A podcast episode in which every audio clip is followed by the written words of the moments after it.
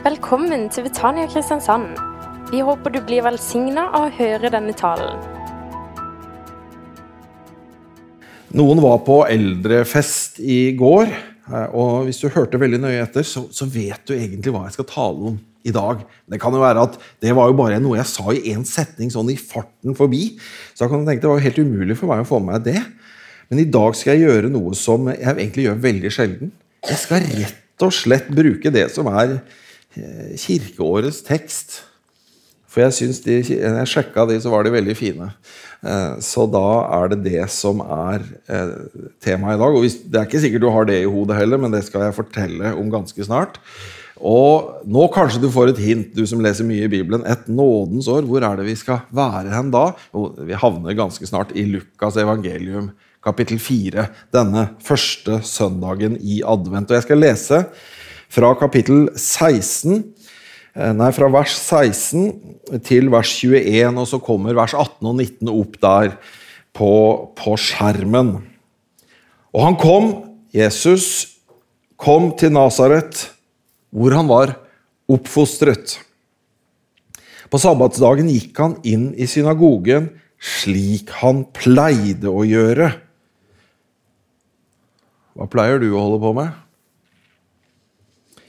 Slik han pleide å gjøre, og sto opp for å lese for dem. De ga ham da profeten Jesajas bok, og da han hadde åpnet boken Vi vet det var en bokrull.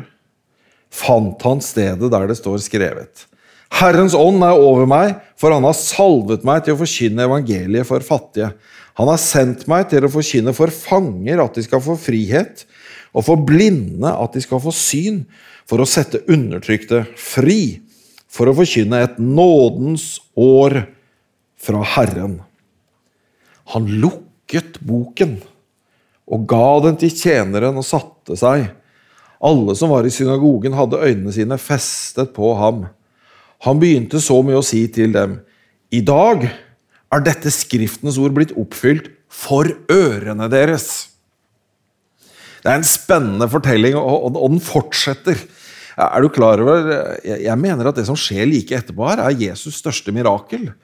For det ender jo med at de blir så sinte på han at de driver han foran seg opp på pynten over byen for å styrte han utfor et stup. Og det å være i en sint menneskemengdes vold, det er, det er fryktelig. Jeg har jo bare vært borti sånne sportsting. Så, Du går på stadion, og så prøv å gå mot strømmen, strømmen, på en stor stadion. Det er veldig ubehagelig. Vi kom opp i en sånn situasjon en gang hvor eh, hun fikk helt panikkattakk, hun ene jenta som var med oss der. og Dette var i Sør-Amerika, så det var ordentlig uh, latinske følelser. Det skulle være landskamp i fotball, og, og hun falt, og vi måtte og vi dytta mot jeg og en annen kar, vi dytta mot folkemengden. tenkte nå skal vi, dette går bra. Men så kjente vi trykket som kom i retur. Da ble jeg redd. Nå får du holde deg på beina, eller så stryker du meg. Folkemengdens trykk er så sterkt. Men Jesus snudde rett rundt og gikk rett igjennom folkemengden. Rett igjennom folkemengden. Spennende historie. Men vi må begrense oss til det han nå sier. Dette har gått i oppfyllelse for ørene deres. Ja, hva er det som står der, da? La oss se litt på det. Han har salvet meg salvet meg.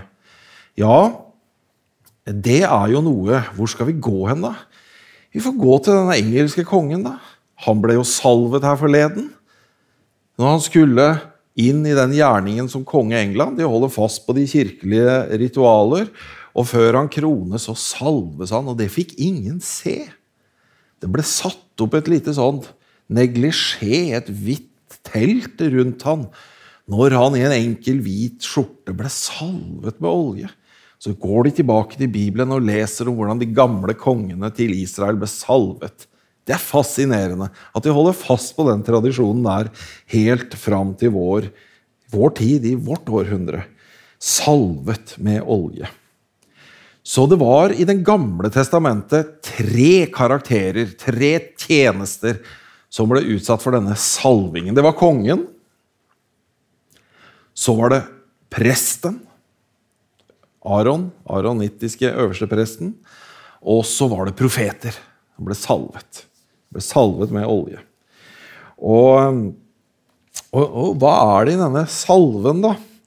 Det, det, det er jo noen som kan være usikker på det. Eh, og, og, det fins jo ulik type olje eh, og alt det der. Men, men, det står helt tydelig faktisk i andre Mosebok kapittel 30 så står det om, om salveoljen. Jeg skal lese derfra 2. Mosebok 30, 22. Herren talte til Moses og sa ta krydder av fineste slag. Av den edleste myrra 500 sekel, av krydder kanel halvparten så mye, 250 sekel, og av krydder kalmus 250 sekel, og akassia 500 sekel etter helligdommens vekt. Og Det var jo bare ingrediensene. Og så kom selve hovedsaken. En hin olivenolje. Hin er dette ja, Det er jo et ord på norsk, òg, hin time. ikke sant? Men, men, men her betyr det et, et, et, ganske mange liter. Jeg husker, jeg har ikke sjekka det der, hvor mye olje det var. Det var olje! Olivenolje fin olivenolje med kryddertilsetninger. Og det var veldig strengt, for det, denne blandingen det var faktisk forbud mot å liksom bruke det hjemme til f.eks. lage eh, god, god, lukt hjemme. Vi har jo røkelse, liksom, eller, eller pynte litt. Og duftlys. Har du duftlys hjemme? Det er, Eh, gutta ser helt forvirra ut nå, men, men, damene vet hva jeg snakker om. Eh, og, og, og, og, det er fint, ikke sant? Så det var faktisk forbud mot å bruke denne eksakte blandingen til vanlig husholdningsting eller, eller parfyme eller sånn. Nei, dette var en unik salveolje. Det var hellig salveolje. Skulle bare brukes til hellige formål. Og Hva var det som var der? Jo, kanel. Ja, du har vel det i, i, i, posen der i kjøkkenskuffen eller noe sånt. Det er altså et tre fra India, denne kanelen. Eh, det treet er evig grønt. Så er det barken som gir opphavet til krydderet. Evig grønt. Liksom bare, bare, bare, smak på det ordet. Det er liv. Det er evig liv i det. ikke sant? Det er noe av det som ligger der i salvelsen. Det er noe av det som har liv som kan vare. Andre tingen, eller det første kanskje, var myrra. Myrra det var, var spesielt. Det, det, det, kom ifra en Vi ville nesten kalt det en tornebusk. Men det, men det var altså veldig harde, veldig faste kvister. Veldig ubøyelige, nærmest. Så det må en viss fasthet til. Det er en fasthet i Herrens salvelse. Og Ut av denne myrraen så kunne man, man skjære kutt og få velduftende olje. Noen ganger så utsondret den det helt på selv, og det ble en sånn tyktflytende olje. Og, og, vi vet at Jesusbarnet, det var en av gavene til, til Jesusbarnet. Myrra, myrra. Og, og, de tre gavene, ikke sant? gull, røkelse og myrra, understreker dette at han er konge, prest og profet.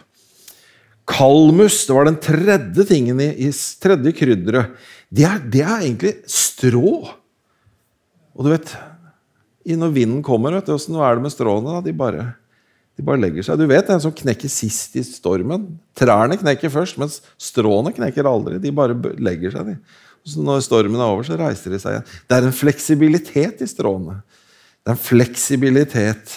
Kanskje dette var egenskaper som salvelsen kunne gi til mennesket. Kanskje er det noe vi kan få av Den hellige hånd inn i vårt liv. Fasthet, evig liv, altså sånn, noe som gir liv en fleksibilitet. Man er bøyelig. Villig til å bøye seg med kalmusen. Og det fjerde, kassia. Ja, det var en god duft. Det er veldig nært beslekta med, med, kanel. Noen ville si at det er en annen type kanel. Og du vet, Det er noe med den gode lukten. Hva er en Kristi velduft? Er det parfyme? Eller er det hvordan det føles å møte sånne som oss? Det er jo noen mennesker som det er bare veldig deilig å møte.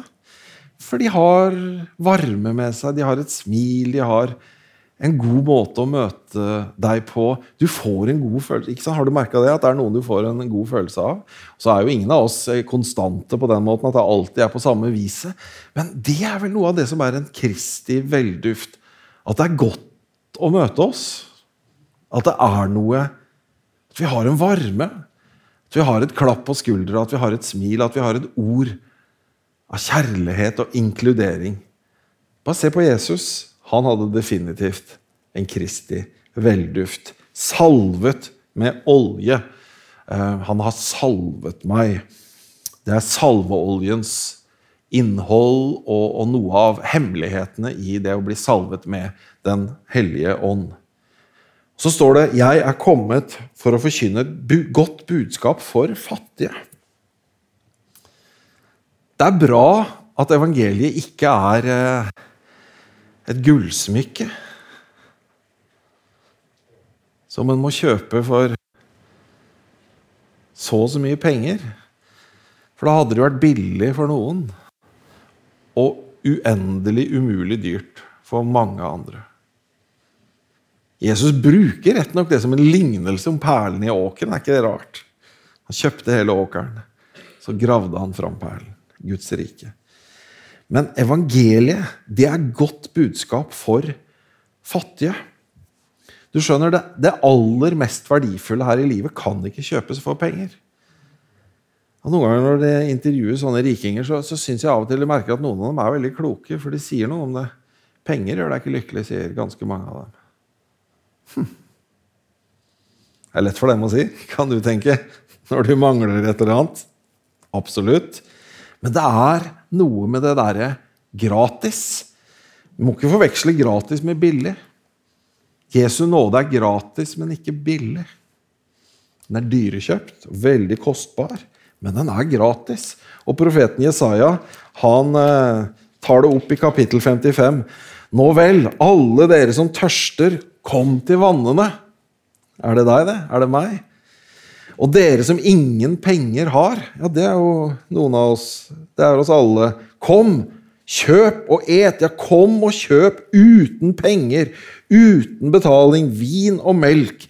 Hvorfor veier dere ut penger for det som ikke er brød, og deres fortjeneste for det som ikke kan mette? Hør på meg, så skal dere ete det gode, og deres sjel skal glede seg over de fete retter. Det er denne frampeiken til frelsen at det er Du kan komme og kjøpe det uten penger. Det er gratis. Det er gode nyheter for fattige. For i veldig mange situasjoner står de fattige bakerst i køen, men i møte med evangeliet står alle like langt framme. Halleluja. Så er det også sånn at du kan kjenne på din fattigdom. 'Han er så rik, hun er så rik, og jeg er ikke så rik.' Og så. Men du skjønner, når du, når du møter Gud i denne settingen der, så er din tid og ditt arbeid like verdifullt som han som eh, tar 3000 kroner timen. Og du kan ikke sende regning til noen for din tid. Men din tid er like verdifullt. Og bare tenk på det, dette med at vi har dugnad i menigheten, at det er frivillig innsats. All tid, alle menneskers tid er da like dyrebar og viktig. Like verdifull. Er ikke det, er ikke det flott? Jeg syns det er veldig flott. Godt budskap for fattige. Frihet for fanger. Jeg blir alltid så glad når jeg leser denne teksten. Frihet for fanger, så sier jeg halleluja. Men du hvis du leser denne for første gang, så kan du bli helt forskrekka. Skal, skal, vi tømme fengslene? Det er jo flere folk der vi egentlig syns bare skal være der. For det de har gjort, det, det, vil vi nesten ikke snakke om, for det har vi lest om i avisen, og det var ille. Ikke sant? Så det, der jo, Man kan jo bli skremt. Da skal vi slippe ut alle de verste. Eh, ja, det kan vel være mer i overført betydning. da, Frihet for fangene. Ja, Jesus tar det opp, og, og vi kan se på det da i Johannes evangelium kapittel 8, hvor han går inn i dette med, med frihet. Skal vi se, må vi bla her, da. Det er så mange bøker i Bibelen. 66, er det ikke det? Johannes 8, 31. Og Der står det Jesus sa da til de jøder som har kommet til tro på ham Dersom dere blir i mitt ord, da er dere i sannhet mine disipler, og dere skal kjenne sannheten, og sannheten skal frigjøre dere. Sannheten setter fri. De svarte vi er Abrahams ett, har aldri vært treller under noen. Hvordan kan du da si dere skal bli fri? Jesus svarte dem, sannelig sier jeg dere, hver den som gjør synd, er syndens trell. Ah, der kommer de inn på det. Disse dårlige trendene i livet vårt som binder oss men trellen blir ikke huset til evig tid. Sønnen blir der til evig tid. For Sønnen frigjort dere, da blir dere virkelig fri. Frihet for den som er fanga av de dårlige vaner og syndens tyranni. Og Det er så veldig synlig hvis man tenker på det med rus. At det, at det, blir, det er livsødeleggende. Og det, det, river ned. Og noen kan holde det i skjul og holde det bak fasaden en stund, men det går utover helsa, og det går utover, og så er det en sånn der, hva skal vi si, Det er som å ha en sånn søkke i, i sekken. Hvis du kan svømme, så er det en stein som bare drar deg nedover. Men du skjønner, uansett om det er på den skalaen eller på andre skalaer Dere sang jo om det. Vær mørk avhengighet, sang dere. Den teksten der er veldig sterk, som lovsangerne har med. Vi nevner navnet Jesus over hver mørk avhengighet. Det er et utrolig løfterikt budskap i det. Det er, sånne, det er sånn stein i sekken som bare trekker oss ned. Og før du vet ordet av det, så, kan, liksom, så drukner du av det. vet du. Men du kan bli fri fra det. Frihet for de som er fanger. Er det noen som er veldig opptatt av dette med frihet og sier det er jo ikke frihet når du er kristen. for Da må du lese i Bibelen og gå på møter og sånn. Og det, det, der er, det, der er, en sånn naturlig misforståelse. Denne hånda mi her, høyre hånda mi, den er jo veldig viktig for meg. Den, den bruker jeg til både å bla i bøker og, og, og Tro det eller ei, det hender jeg spikrer med den også. Den, den, og den bruker jeg, vet du. Og, men den er jo ikke fri, for den er jo bundet fast her i skuldra. Og takk og lov for det. For den er jo ikke mer fri hvis den blir frikobla. Ja, men du, du, skjønner hvor jeg skal og Vi skal prøve å ikke ta for mye detaljer. Men altså, håndas frihet blir størst når den er kobla på. Det er en sannhet om dette med frihet. For vår frihet liksom, men Vår frihet avhenger jo av at vi står i et fellesskap. Ikke engang Lars Monsen kan overleve alene. Jeg har sett ham på TV. Vet, han reiser over vidder etter vidder, og, og, han klarer seg alene. Men noen har lagd den sekken som han trenger, som er så god, og det er ikke han. Og noen har lagd den fiskestanga som er så veldig grei å ha. Og, og det ene etter det andre. Ikke engang han klarer seg aleine. Han som er sånn overlevelsesgeni ute i skogen. Da må jo vi skjønne at vi er friest når vi er kobla på og den store påkoblinga er når vi er kobla på Jesus' frihet for fanger. Dette der å være bundet av sitt eget liv fins noe tydeligere eksempel enn Ludvig Carlsen. Han var alkoholiker, hadde noen smådommer på seg for vinningskriminalitet. Han er vel den eneste som har endt opp med å få kongens fortjenestemedalje i gull med strafferegister. Det, var, det, er jo en regel. Du kan ikke få det hvis du er straffet. Det er liksom bare en regel. Sånn er det. Men der gjorde de et unntak. Det sies at uh, Jan P. Syse overtalte Kåre Willoch. Uh, fordi Jan P. Syse var høyreleder, og Kåre Willoch var tidligere høyreleder og var som fylkesmann, og, og, og, kongen rådførte seg med han. Og Willoch var imot det, for han sto på prinsippet, men Syse skal ha overtalt uh, Willoch til å si ok, dette er det jeg har hørt. Så fikk da han som en dag var en banditt. Kongens fortjenstmedaljegull. Hvorfor det? Fordi han brukte sin historie med rusavhengighet til å hjelpe andre med rusavhengighet og bygde opp evangeliesenteret. Og gjennom det har han hjulpet tusenvis av mennesker. Tenk av det at han var så langt nede, og så snudde han det. Det er evangeliet. Så snudde det til noe positivt, at han gjorde noe for å hjelpe. Mange andre gjør det samme, og sikkert på bedre møter også. Men den derre der forvandlingen fra å være fange til å bli en som setter folk fri. Han sto ikke han og sang da med 'Snaren er sønder', 'Fuglen er fri'. Ikke, det, er, noen som synger den feil. Du, at, Faren er trønder, og, og, og, moren er steril. Men nei, nei, det er en misforståelse. Snaren er sønder. Fuglen er fri. Og så Av og til så har fasaden vår så fin og grei, men så har vi en Så er det noe som binder oss. Kanskje er det deg, kanskje er det en du kjenner. Så er det noe som binder oss. Du kan bli fri. Altså, Vi er jo frie venner, er vi ikke det? Altså, ja, det, det ligger jo et løfte i det, gjør det ikke det? Blinde skal få syn, står det nedover der. Blinde skal få syn igjen. Det er, det er, jo artig det er når Jesus kommer til Jeriko. Det er jo flere fortellinger, og i en av dem så heter jo han ene Bartimeus. gjør han ikke det? Men i Matteus så får vi ikke navnet. Ja, det er sånn det er. Så i Matteus 20, der er det. Og der er det to. Og i Lukas er det bare én. Så det er mye som skjer her. altså. Og, i, Matteus 20, 29 der står det de, de dro ut fra Jeriko, fulgte mye folk etter han, og to blinde satt ved veien.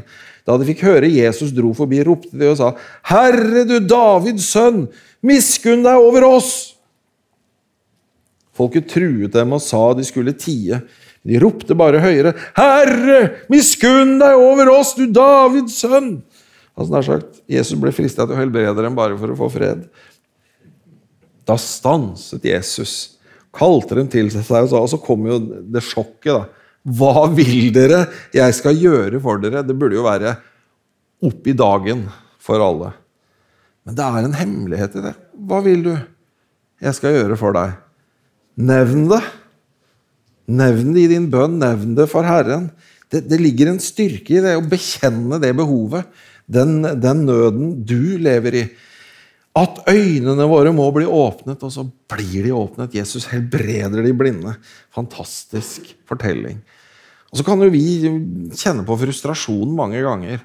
Eh, og, og, og sorg over at ikke flere blir helbredet. Og, og blinde. Og jeg altså nå er ikke, jeg skal ikke sammenligne med blinde, men jeg hadde jo blitt regna som en idiot uten disse brillene.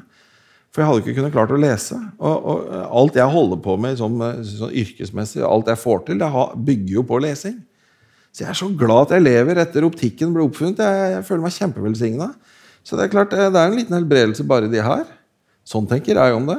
Ja, Det er flere som tar i brillene og sier at det er greit å ha. Det er greit å ha.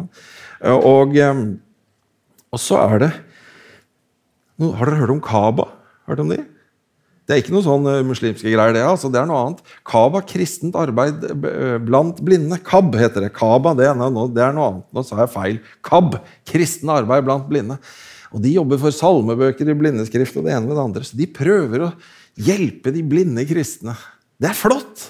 For de har tenkt ja, vi får gå fram på den andre måten når helbredelsen lar vente på seg.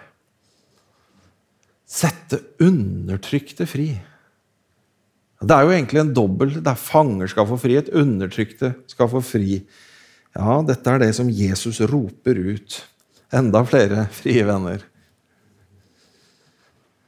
Men det sitter noen sannheter der om hva man kan bli bundet av. Bare se denne korte fortellingen fra apostelens gjerning i 16.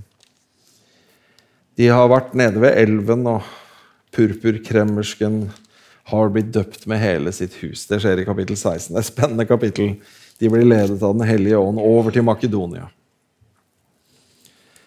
Så går de nå rundt der, og så, så er det en plageånd, til jeg kaller det det. 16, 16. Men det skjedde en gang da vi dro ut fra bønnestedet, ut til bønnestedet, at vi møtte en slavepike som hadde en spådomsånd. Hun skaffet herrene sine stor inntekt ved å spå. Hun fulgte etter Paulus og oss. Aha, oss. Lukas var med der og ropte:" Disse mennesker er den høyeste Guds tjenere, som forkynner dere frelsens vei. Dette holdt hun på med å gjøre i mange dager. Ja, Paulus jeg vet ikke om han var hissig, men altså, han var vært ganske tålmodig. Mange dager. Jeg tror jeg hadde fått ganske høyt irritasjonsnivå hvis noen gikk og ropte det etter meg dag inn og dag ut. Jeg hadde vel spandert en pølse på de og løpt for å se om jeg kunne komme meg av gårde. Men Paulus ble harm han hadde kjød, og vendte seg og sa til ånden, Jeg befaler deg i Jesu Kristi navn, far ut av henne! Han for ut av henne i samme stund. Men da hans herrer så at deres håp om inntekt forsvant, grep de Paulus og Silas og dro dem av sted til torget for å stille dem for retten. Og dette ender, jo i fangehullet innerst med armer og ben i stokken. Ja, Du får lese resten sjøl. Det er en spennende historie. Men denne kvinnen, da, det står ikke noe mer om henne. Men hun ble jo satt fri fra dette her. Håper hun ble fri fra disse herrene. Eller så fant de vel bare noe annet de kunne bruke henne. De var jo, hva skal vi kalle det der? De var jo halliker. Så kan man bare frykte hva denne kvinnen eh, kunne bli utsatt for. Og vi vet jo at det moderne slaveriet som er i dag, det er en virkelighet som vi på mange måter ikke aktivt forholder oss til, men det er en virkelighet for mange mennesker som er i en mer sårbar situasjon. Det er typisk flyktninger, fattige, underprivilegerte fra andre samfunn som blir utsatt for ren menneskehandel, og de brukes som arbeidskraft og til det som verre er. Ja, det vil jeg faktisk si. Var det noen av dere som så den filmen? 'Sound of Freedom'? Altså, Det er jo ikke det at jeg skal stå her og anbefale kino, men, altså, men av og til er det jo viktige filmer der.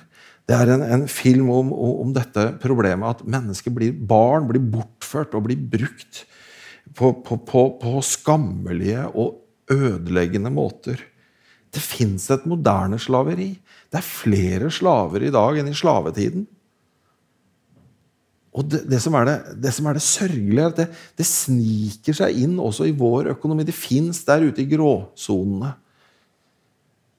Og ære være dem som kjemper for bevissthet rundt dette. Veldig mange vil ikke se. Veldig mange vil ikke høre. Man, man, man prøver å løse problemene lenger opp. Mens de ufrie menneskene, de undertrykte, hvem taler deres sak?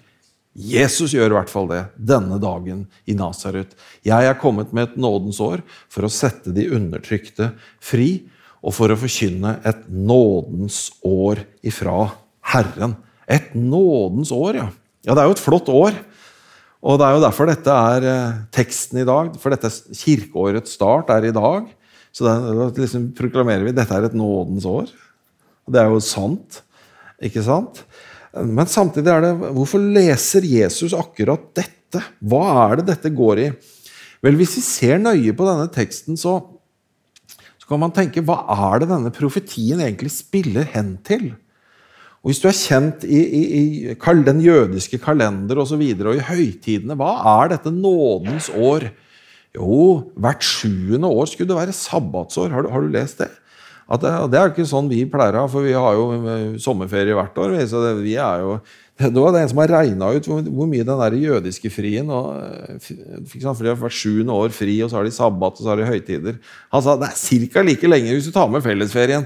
Han hadde seg ned og regna ut dette her. Det var flott gjort. Jeg har ikke, jeg har ikke gjentatt regnestykket, så jeg, jeg får eh, ta, ta, hans ord for det. Eh, at, at frien var bra. Så hvert syvende år skulle det være hvileår for jorda. Vekselbruk, på en måte. Og så skulle det også være frigivelsesår for mennesker. Men så kom det ekstraordinære året. Og det var jo syv ganger syv. Hellig ganger hellig. 49. Før så bodde jeg i nummer 49. Jeg syns det var veldig fint å bo i sju ganger sju. Så ja, bor du i nummer 49? Ja, selvfølgelig bor jeg der. Holy ganger holy, sa jeg. Det er jo der jeg må bo. Men så nå bor jeg i 3B. Men eh, det betyr vel bare det at, eh, at, jeg får be tre timer av og til. Altså, jeg vet ikke. Eh, jeg er ikke sikker, men det, det får vi ta som det kommer. Uansett. Etter 49 år, da hadde de hatt sju sabbatsår. Og da kom det store året. Jubelåret. Det 50. året. Og du skjønner, Det var et fantastisk år. Har vi den der? Se på, har du den der? Var du her? i april? jeg talte om dette her. For da skulle året blåses inn med denne basunlyden. Og Hvis du var og hørte den talen, så husker du det nå, for da blåste jeg inn dette, dette jubelåret. Og da blåste de basunen på den store forsoningsdagen. Tenk på det! Det var etter at øverstepresten hadde gjort den delen. Da blåste de inn, og da skulle fanger, de som hadde blitt eh, gjeldsslaver i Israel som hadde måttet selge gården og måtte reise fra familieeiendommen, skulle få familieeiendommen tilbake. De skulle få komme hjem igjen til, til, til, til gården, til slekta. De skulle få komme hjem, de skulle ikke lenger være eh, sånn straffarbeidere. De skulle få komme tilbake på dette frigivelsesåret. Så der ser vi at dette, for, og Loven om dette jubelåret da skulle fanger gis fri, gjeld skulle slettes, gårdsbruk skulle føres tilbake til familien, og på andre måter så skulle det være da en sånn glede for at det skulle være rettferdighet i hele landet. Så det er ikke sånn at velferdsstaten ble oppfunnet av Einar Gerhardsen. Det ble oppfunnet av Gud det, i, uh, uh, som ga det til Moses. Dette her er i tredje Mosebok. Det er 3000 år gammel idé. Nemlig det at samfunnet skal ikke, den der sosiale urettferdigheten skal gjenopprettes. Det skal være et system for det. Og I noen av profetiene så får Israel refs for at de ikke har holdt sabbatsårene, for at de ikke har holdt jubelårene, at de har latt urettferdigheten vokse. Det er veldig tankevekkende. Og det er inn i dette Jesus kommer og sier 'Jeg er gjenopprettelsesåret'. Jeg er nådeåret. Jesus er nådens år. Ja, nå ble det tørt her. Altså i halsen, altså.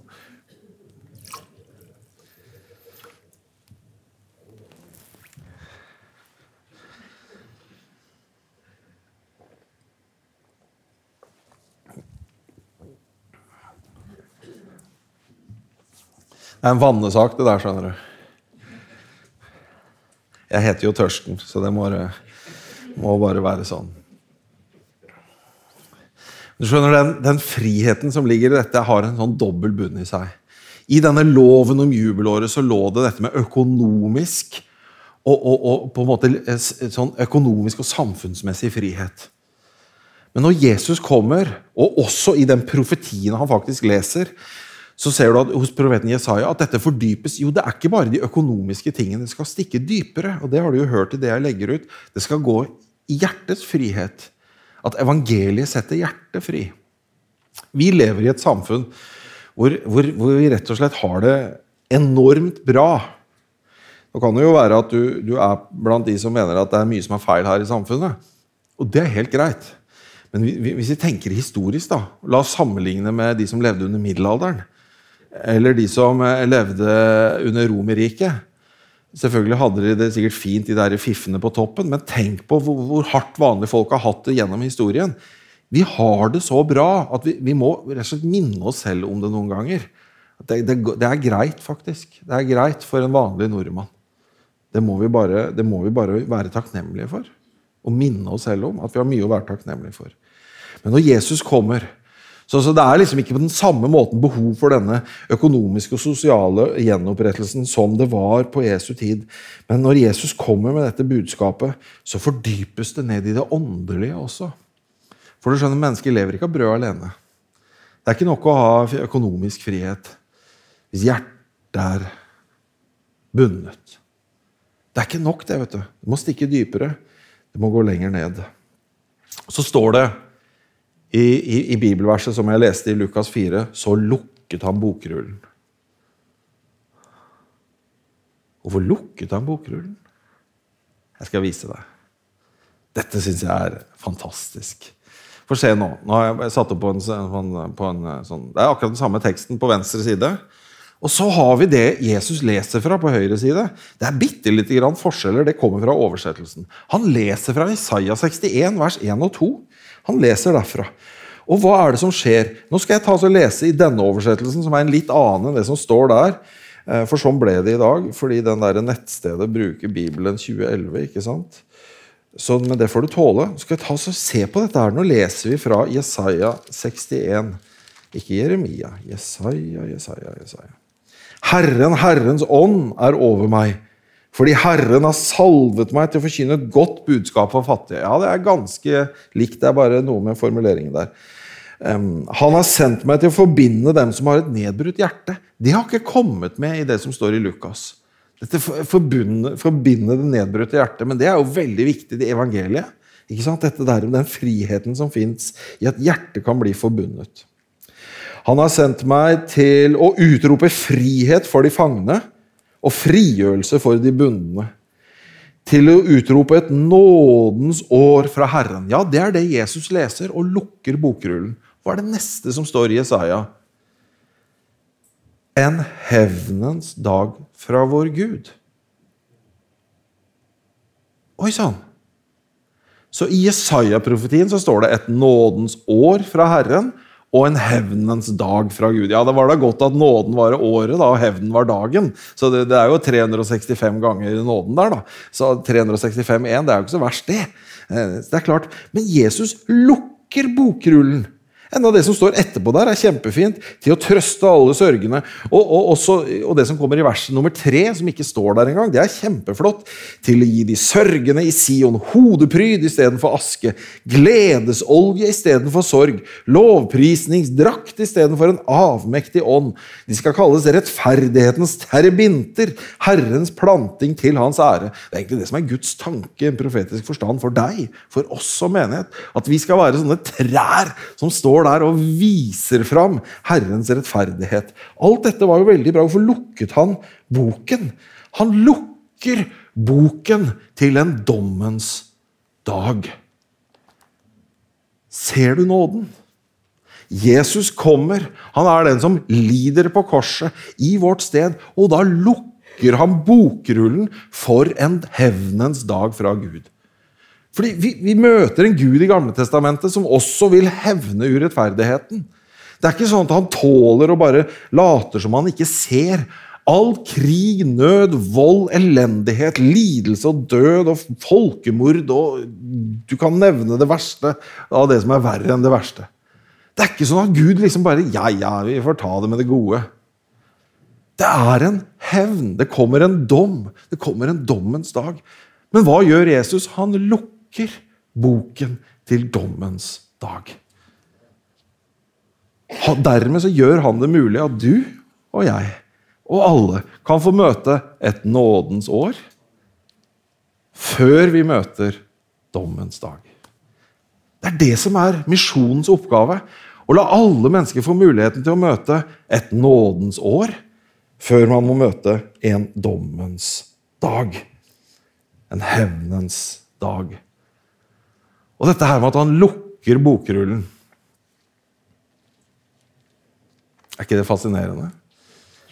Altså det, er, det er mye i Johannes' åpenbaring jeg sliter med å forstå, mener jeg. Eh, eh, det, det, en, en, ting, en, ting, er jo det der man sliter med det man forstår. Det er, det er en annen side. Eh, men, eh, men, men, men, noe har jeg skjønt i Johannes' åpenbaring. Det er at lovsangen er så sterk. Har du lagt merke til det? det akkurat det føler jeg har fått lys over. Det, bare Lovsangen til Jesus bare vokser. Så nå klarer jeg ikke å dy meg. Jeg skal lese nesten et helt kapittel, og det er nesten sammenhengende lovsang til Jesus. Det er Johannes' åpenbaring kapittel 5. Jeg begynner i vers 2. Og jeg så en mektig engel som ropte med høy røst. Hvem er verdig til å åpne boken? Skjønner du? Han har lukket boken for dommen. Men da kommer dagen da han skal åpne boken for en dommens dag, en hevnens dag fra Gud. Men hvem er verdig til å åpne boken og bryte seilene på den? Det var ingen i himmelen eller på jorden eller under jorden som kunne åpne boken eller se i dem. Den som er uten synd, kan kaste den første steinen. Det var ingen som var verdig. Da gråt jeg sårt, fordi ingen var funnet verdig til å åpne boken eller se i den. Fem-fem. Men en av de eldste sier til meg, gråt ikke! Se, løven av Judas stamme, Davids rotskudd, har seiret. Han kan åpne boken og de sju seil på den. Og jeg så og se, midt mellom tronen og de fire livsvesener og de eldste sto et lam, liksom det hadde vært slaktet. Det hadde sju horn og sju øyne, og det er de sju Guds ånder som har sendt ut over hele jorden. Lammet kom bort til han som satt på tronen, og tok boken av hans høyre hånd.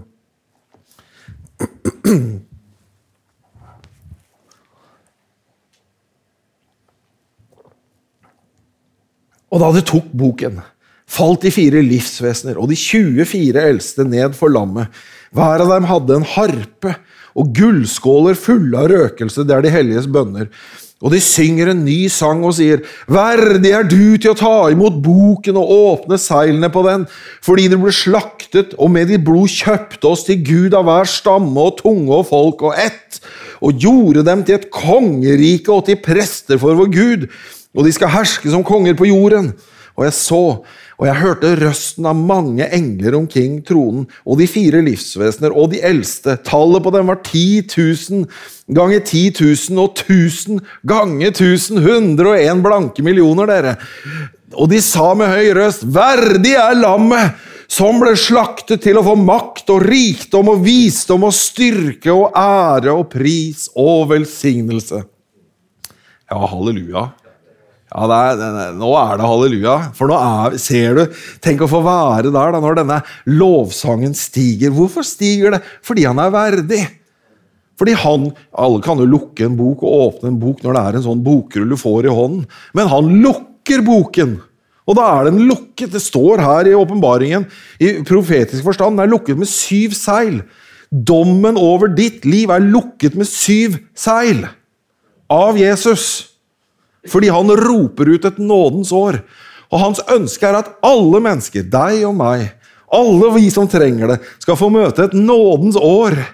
Lenge før dommens dag, en hevnens dag fra vår Gud skal komme. Det er evangeliet. Det stikker dypere enn den sosiale rettferdighet, selv om den må vi ikke glemme. Må ikke glemme de som lever i fangenskap og er ufrie. Eh, så eh, det må vi ikke glemme. Vi må rett og slett eh, huske på det. Så kommer da Jesus med nådeåret før hevnen og dommens dag kommer. Men det kommer en sånn dag. Det står jo om det. Da har jeg bare én ting å si. Jeg har en advokat på den dagen. Hvem har du som advokat? Jeg har sett dem på TV. Den ene er flinkere enn den andre. De kan ikke måle seg mot talsmannen jeg har. Jesus Kristus. Han er en soning ikke bare for våre synder, men for hele verden. Han fører min sak. Han er min sakfører. Han som er verdig til å åpne seilene. Har ingen fordømt deg, heller ikke jeg fordømmer deg. Gå bort, synd ikke mer. Det er jo grunn til å lovsynge. Det er jo grunn til å prise. Vi lever i nådens år. Ja, dette kirkeåret, dette året, det året, hvert 50. år. Ja, men Det er jo bare en beskrivelse av den tilstanden vi som er Jesu disipler, kan komme inn i. Inn i nådens år. Og da, skjønner du, da blir vi frie venner. Det er der det ligger. Den friheten som fins i Jesus Kristus. Du har nå hørt en tale fra Betania Kristiansand. For mer informasjon kan du besøke våre hjemmesider på betaniakrs.no.